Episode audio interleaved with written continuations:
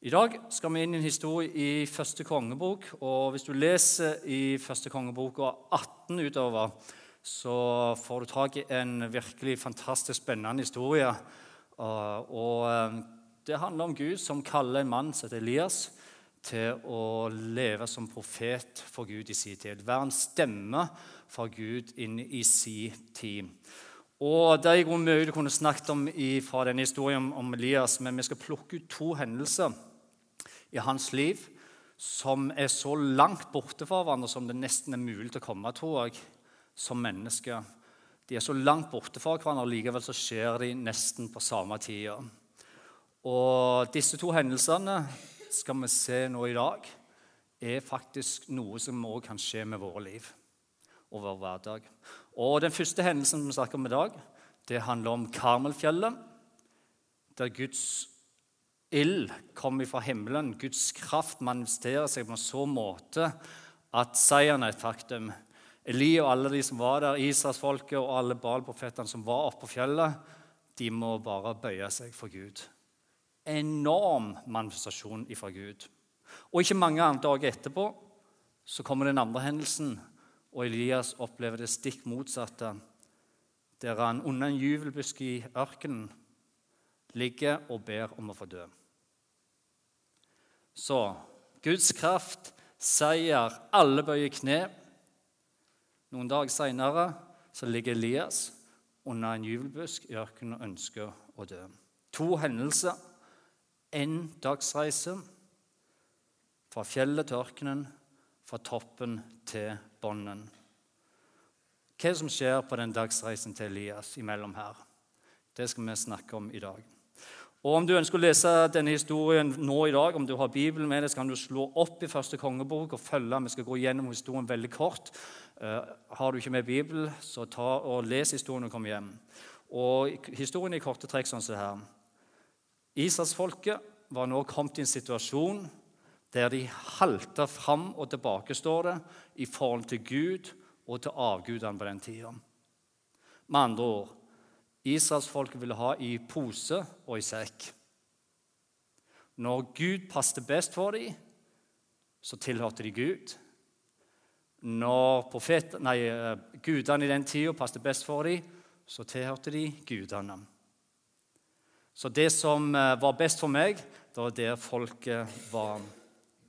Og det er her Gud velger å sende Elias inn som profet og si det er ikke sånn det fungerer.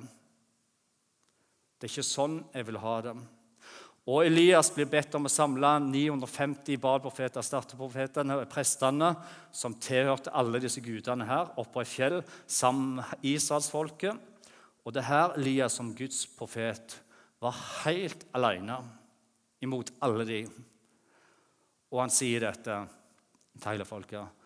Hvor lenge skal dere halte fram og tilbake?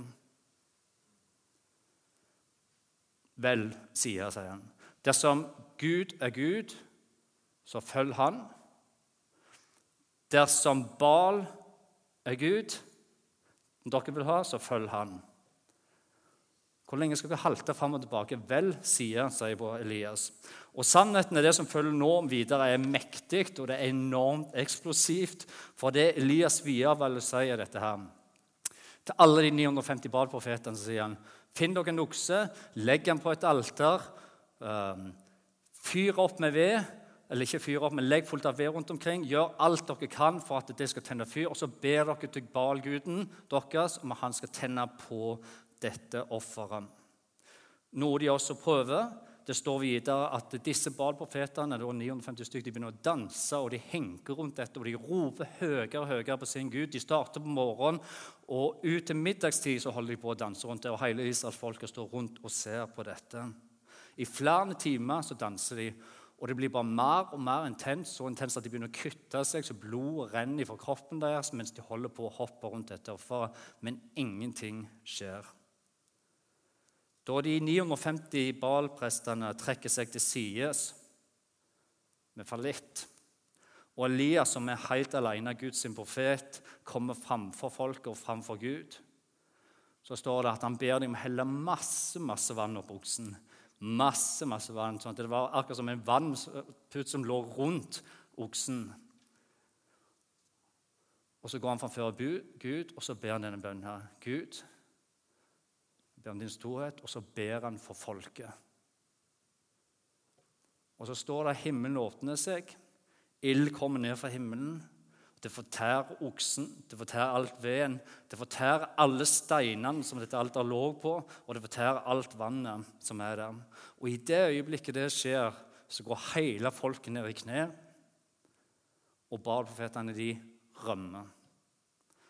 De blir tatt igjen, og blir tatt dager av. Og vi kan si at eh, Gud virkelig viser seg i sin storhet. Elias opplever en seier.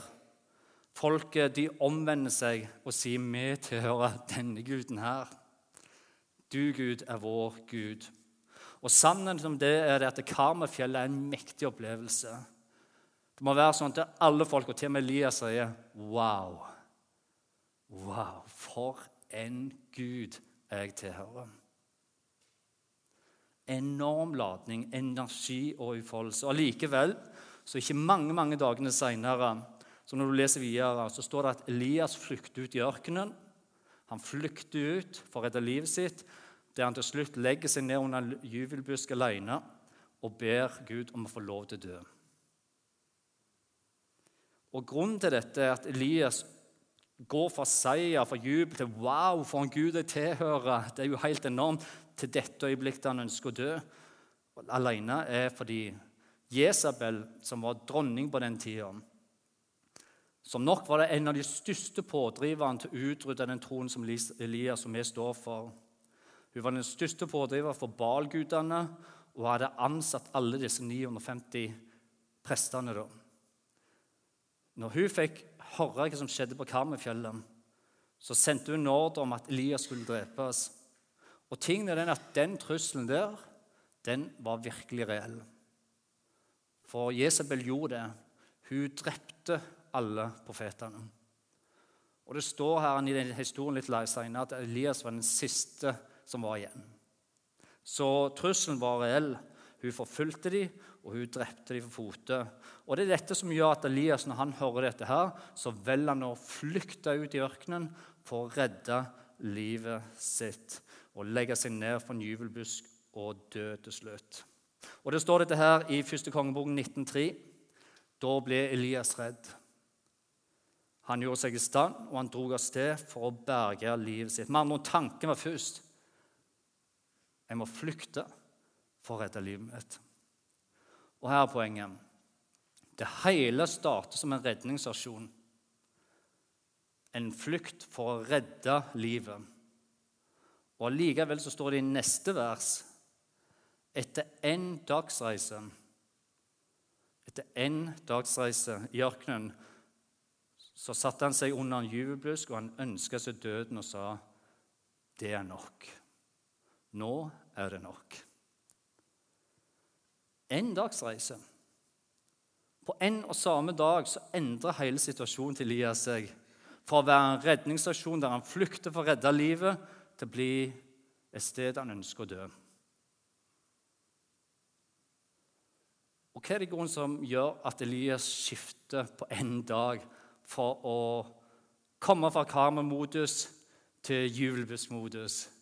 Hva er det som gjør at Elias kommer fra en stor seier til total fallitt? Fra en tanke om å redde livet sitt til en tanke om at nå ønsker jeg ikke å leve mer. Og det på en dagsreise. På samme dag. Og det er her vi mennesker, alle, står i fare for, når vi tenker vi er alene, at vi fort lar tankene spinne ukontrollert av gårde slik at vi mister fotfestet i sannheten og glemmer ting som de virkelig er. Med andre ord når vi er trøtte, når vi er slitne, når vi kjenner på utladning, som Elias må ha gjort etter dette Karmel-fjellmøtet, så er faren utrolig stor for at vi åpner dører for bekymring, for frykt, slik at de får stor plass i tankene våre.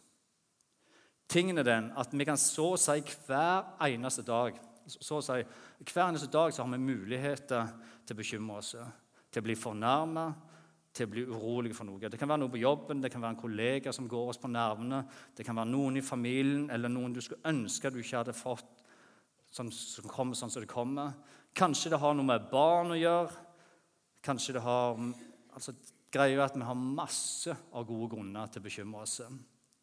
Det Bibelen sier, dette her, at vi er ikke skapt for å bekymre oss og stadig bære på sånne byrder. Vi er ikke skapt til å legge oss om kvelden og bekymre oss for å stå opp neste dag urolige på innsida. Hvis vi mennesker gjør det over tid, så vil det sakte, men sikkert slite oss ut og ta fra oss gleden og styrken i livet vårt. Rett og slett fordi det var aldri meninga at vi skulle gjøre det. Vi er ikke skapt til det. I Bibelen og i 1. Peters brev 5,7 så står dette Kast all deres bekymring for ham. Kast all deres bekymring på ham, for han har omsorg for dere. Med andre ord vi må gi det til Gud. Vi må ta lokket av trykket og slippe ut presset. Vi må stikke hull på det som presser på, og la Gud få ta del i smerten og det vonde som vi bærer med oss. Og Noen ganger så må vi velge å invitere andre mennesker inn i det vi står i, slik at vi ikke som Elias går alene med det trykket, slik at tankene ukontrollert får spinne av gårde. Hvorfor? Jo, fordi som Elias er ikke vi skapt til å tåle det trykket. Vi er ikke skapt for å ha det presset. I Bibelen Matteus evangelium 11, 28, så sier Jesus sjøl dette. så sier han, Kom til meg. Kom til meg, alle dere som strever og bærer tunge byrder, og jeg vil gi dere hvile. Med andre ord, det fins en hvile, det fins en indre fred midt i livet. Det fins et frø, noe som er dypere, noe som er sterkere sammen med Gud. Som når vi kommer til ham, og la Han få være herre midt i ørkenen vår,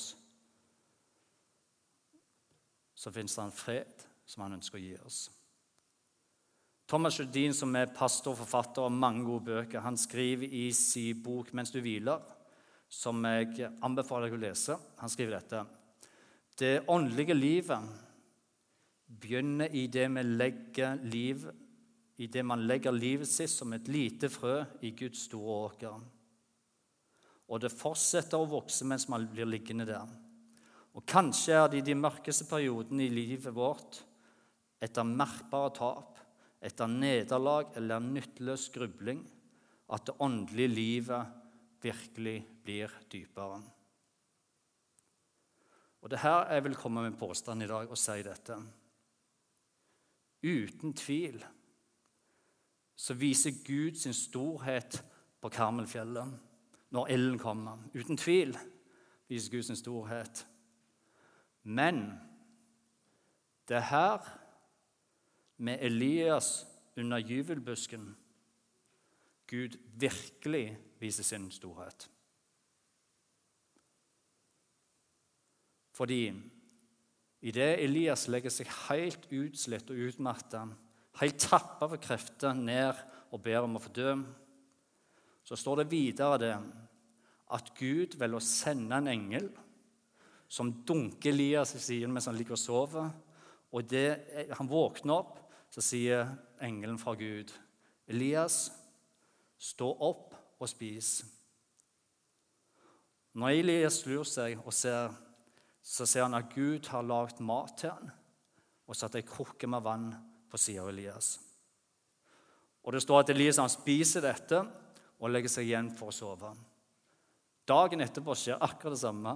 Engelen dunker i side. Han sier, 'Stå opp og spis'. Og igjen ser Elias at Gud har satt fram ei mat og ei krukke med vann til Elias, slik han skal få tilbake energien og få tilbake styrken. Og her er greia. Etter denne hendelsen, når Elias reiser seg og går videre, så er Elias en forandra mann. Han kommer aldri til å bli den samme igjen. Fordi et personlig møte med Gud, med Guds omsorg, Men Guds kraft endrer oss som mennesker. Opplevelsen på Karmelfjellet er en sterk opplevelse, men sannheten at det vil aldri forme oss over tid med sterke opplevelser sånn. En erfaring sammen med Gud alene er det som er bærekraftig, som gir oss tro, som gir oss visdom til å bli den Gud ønsker at vi skal være. Og Poenget mitt er dette her. Vi mennesker har en tendens til å søke eller til å lete etter Gud i de store miraklene, som storheten på Karmelfjellet, der Gud ja, han viser sin storhet til oss. Og så glemmer vi at det største mirakelet faktisk er at Gud den allmektige skaper av hele universet. Ja, han som sendte ilden. Mest av alt virkelig ønsker en dyp relasjon med oss. Det er det største mirakelet. Gud valgte å sende sin sønn for å dø for oss. Han reiv forhenget i to, åpna opp alt for at du og meg skulle få lov til å komme helt inn til Han. Det fins ingen større mirakel enn det. Å få oppleve Guds omsorg og kraft slik Elias gjorde det. Det er ikke de store opplevelsene som fører oss mennesker til dypere tro. Det er de personlige erfaringene sammen med Gud. Jesus sier sjøl dette i Matteus evangelium 6. Se på fuglene under himmelen. De sår ikke, de høster ikke og samler ikke hus. Men den far dere har i himmelen, gir dem føde likevel. Er ikke dere mer verdt enn de? Hvem av dere kan vel med all sin bekymring legge en eneste alen til sin livslengde? Med andre ord det Gud virkelig ønsker for oss, er at vi skal lære oss å stole på Han lære oss å stole på ham. Tingen er den at bekymring er en tyv. Den vil stjele søvnen fra oss på natta, den vil stjele vår indre glede, den vil stjele fra deg kreativiteten, den vil stjele håpet ditt og stjele drømmene dine. Det eneste vekstfrøet bekymring har i seg, er det at det vokser enda mer bekymring. Og det er nøyaktig det som skjer med Elias på denne dagsreisen ut i ørkenen. Det starter som en redningsstasjon, mens bekymringstankene mer og mer former seg og ender til slutt i total fallitt. Thomas Judin skriver videre i boka mens du hviler dette. I en kultur der den fjær i hatten har mye å gjøre, der fullbooket er en statusmarkør og stillhet er blitt synonymt med dovenhet. I en slik kultur blir hvile snart ikke mer enn latskap. Kanskje det er derfor vi unnskylder oss og forsvarer oss mot den og kvier oss for å oppsøke den, altså hvilen. Framfor alt rekker vi aldri å tenke på hvem vi ønsker å være.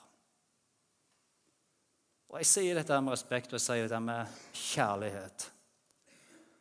Men hvis en tyv kom inn i ditt hus hver eneste uke Si hvis en tyv kom inn i ditt hus hver eneste uke. Han stjal maten din, han rota i klærne dine og tok de flotteste klærne dine. Han tok møblene dine, så ville det ikke gå lang lang tid før du sa vet du hva, dette her, dette går ikke an. Nå er det nok. Dette må det bli slutt på med en eneste gang. Og så har du ringt til Jan Terje. For han er ganske heftig når han kommer. Og så har det blitt slutt på det tullet. Og sannheten er den at på samme måte så kan ikke vi tillate at bekymring kommer inn og stjeler og stjeler og stjeler. Da må vi ringe til hyrden og som sier 'Nå er det nok'. Hørte. og som sier, 'Vet du hva? Dette er ikke sant. Dette er ikke rett. Og det er ikke sånn det skal være. Og hvis det er sannhet i det, så vil bekymring aldri hjelpe oss noen ting, men det vil hyrden. Det vil hyrden i en relasjon med han gi løsninger, visdom til å håndtere situasjonen. Og På samme måte skal vi si med at både tempoet vårt, prioriteringene vi gjør, bekymring vi har i livet, kalenderen vår, tid vi bruker på sosiale medier, det at vi faktisk i dag velger bort relasjoner for det, og ikke har tid til stillhet med Gud ja. Det er ikke bra å invitere sånne tyver inn i livet. Per Arne Dahl skriver dette her. Det er forfallet som kommer av seg sjøl. Det du virkelig har kjært, det må du kjempe for. Det må du holde opp og si at det er verdifullt. For så, hvordan ser din dagsreise ut nå i dag? Hva er det som fyller dine tanker nå i dag? I den tida vi lever i? Hvilke noen frø er det du velger å ta og så inn i, tankene dine og i hjertet ditt? Lar du tyvene komme? Lar du tyvene slippe inn? Slik at det som starter som et lite frø, får lov til å vokse og komme ut av kontroll i sinnet. Jesus sier sånn som dette her. Gjør dere ingen bekymringer for morgendagen. Morgendagen skal bekymre seg for seg sjøl. Og sant Jeg vet ikke hva du tenker når du leser, men for meg, i hvert fall, når jeg har lest det en gang, så tenker jeg sånn ja, Skal vi bekymre oss enda mer for morgendagen òg enn det vi allerede gjør nå i dag? Men det er ikke det han sier, for det er det Jesus sier, dette her, at det faktisk fins en løsning for morgendagen. Og den løsningen den finner du nå i dag. Det starter. Utgangspunktet er at vi som Elias har en Gud. En far i himmelen som lengter til en dypere relasjon med oss. En far som ønsker å styrke det. En forsørger som beskytter og elsker alle sine barn. Og sannheten er den at han vil bruke hver eneste dag, hver eneste anledning, også når vi ligger under jubelbusken og legger oss flatt ut, så vil Gud komme nær for å få en dypere relasjon. Miraklene er der. Guds omsorg er der hver dag. Og Guds løsning er der hver dag. Og det samme er tidstyvene, bekymringen, som ønsker å stjele fokuset bort ifra det Gud ønsker å gi. Kildene er der. Spørsmålet er hvilken kilde henter vi fra nå i dag. Jesus sier dette i Johannes 14. Fred etterlater jeg dere. Min fred gir dere, ikke den fred som verden gir. La ikke hjertet bli grepet av angst og motløshet. Og Når Jesus snakker om min fred, så er det utrolig viktig at vi får med oss at det er hans fred. Det er Jesus sin guddommelige fred, som ikke bygger på våre ytre omstendigheter men en guddommelig fred som ikke handler om dine og mine egenskaper til sjøl å finne ro i stressende situasjoner. Det snakker om hans fred, som ikke er stressmestring eller finner freden i seg sjøl. Når Jesus snakker om min fred, så er det en fred som er født i himmelen, som gis av Gud til vår ånd i vårt indre. En gave midt i stormene. Thomas Judin skriver noe inn i vår tid, og jeg tenker det er såpass radikalt og viktig for med oss i Guds relasjon i det han skriver. Hør, du trenger ikke strekke til. Det holder at du er til. Alt utover det er bonus. Og Sannheten om den setningen der er at han er sykt radikal i tida vår. Og sannheten er at vi burde i grunnen skrive opp den setningen og henge den på speilet, på veggene, i bilen. For i denne verden så vil du aldri få den fred og tilfredsstillelsen som våre sjeler virkelig trenger. Fordi det er en prestasjonsverden. Det er kun når du fullt og helt velger å legge deg ned til Gud, at han kan gi deg den indre freden som du kan bære med deg i hverdagen. Og Det er derfor Jesus også sier Hør, dette er min fred. Min fred. En fred som kun Jesus kan gi. Du trenger ikke strekke til. Det holder at du er til. Alt utover det er bonus. I 1. Korinterbrev 1,9 skriver Paulus dette. Gud han er trofast, han som har kalt dere til fellesskap med sin sønn Jesus Kristus, vår Herre. Og det Paulus sier dette her, nummer én, Gud han er trofast, som betyr han holder det han lover. Han forlater oss aldri, og han svikter oss aldri. Og det andre Paulus sier, at han har kalt deg, som betyr Gud kalte deg fordi han ønskte deg. Gud ønska deg. Derfor kalte han deg. Han ville at du skulle komme fra der du var, og inn i det han har for deg. Det nye. Og Hva er det nye som Gud har kalt oss inn til? først og fremst? Jo, nummer tre, han har kalt oss til fellesskap. I en annen oversettelse står det til samfunn. Å leve i et samfunn med sin sønn, Jesus Kristus, som betyr at i dette fellesskapet så fins den visdommen du trenger, den kraften du trenger, den styrken du trenger for din hverdag. Tingen er den skal vi neste bilde, Av alle dyr så må sauen være noe av det mest sårbare som fins. Og Nå er det sikkert noen bønder som vet dette her mye mer enn meg, men jeg tror det stemmer ganske godt. Altså jeg bare tenker, Ikke så løper de fort. De hopper ikke høyt. De har ikke tenner som de kan beskytte seg med. De har tenner, altså, men ikke beskyttelsestenner. Ikke har de føtter som de kan sparke med. De har ingen klør som de kan beskytte seg med. Og det nytter liksom ikke å gjemme hodet i ei bøtte heller når det er fare på ferde. Men sannheten er at de har i grunnen ingenting å stille opp med hvis fare virkelig er på ferde. Så det sauen må lære seg for å overleve før i tida, hva var det når de var ute i villmark? Jo, de måtte lære seg å stole 100% på at hyrden visste best.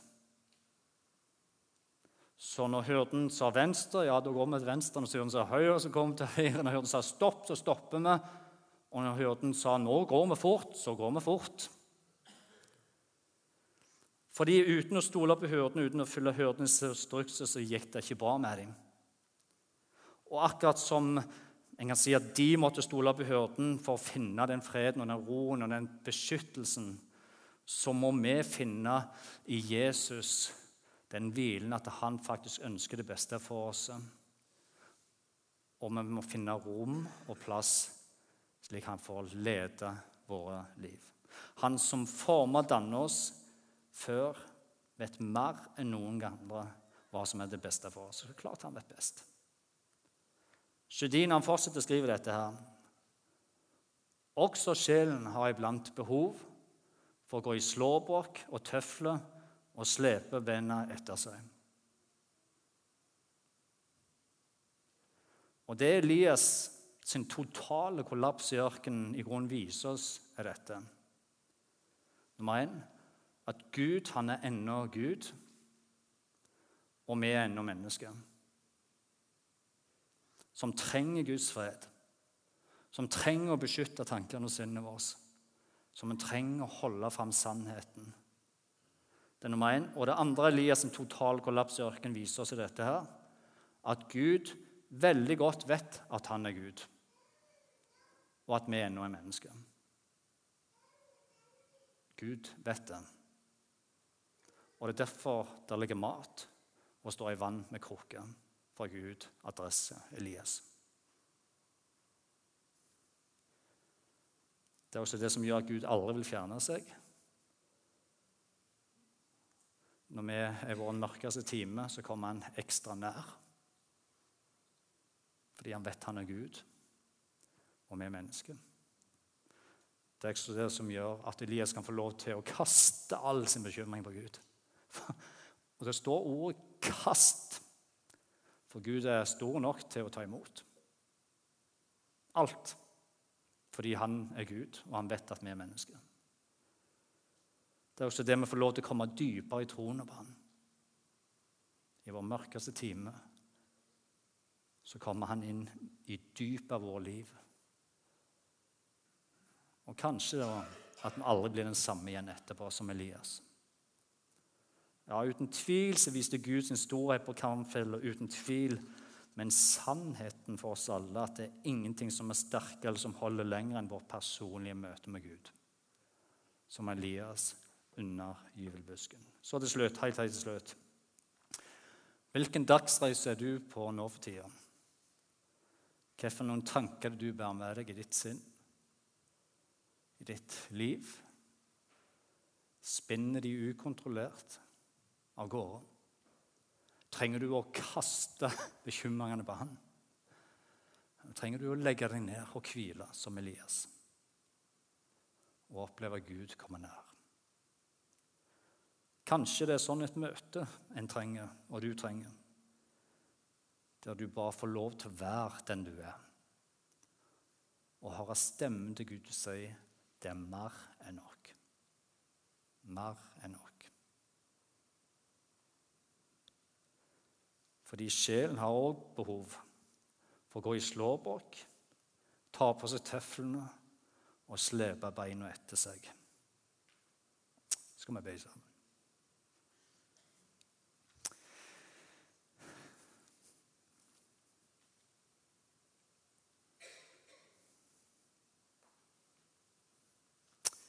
Gode Far i himmelen, vi bare kommer framfor din trone, og det står i ditt ord at vi med stor frimodighet kan komme framfor deg.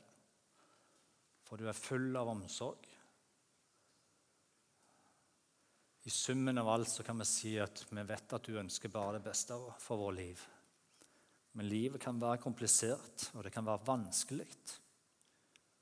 Og det kan være vanskelig å håndtere både forventninger som ligger rundt, krav som ligger der, og våre egne tanker om vi ønske å prestere. Takker deg, Jesus, for du ser alle oss, Herre, og du ser hvor vi er hen i livet nå, Herre. Du ser hvilken dagsreise vi er på. Gode Far himmelen, vi skal inn i nattverd nå etterpå. La oss komme fram for deg og legge av det som bekymrer oss. La oss i denne stunden med nattverden, Herre, gi våre liv til deg. Kanskje det kan være en symbolsk handling at vi som Elias legger oss ned for deg, Herre, slik at du får komme med det du ønsker å gi til vårt liv. Hjelp oss til å være lyttende. Hjelp oss til å skyve vekk tidstyvene, Herre.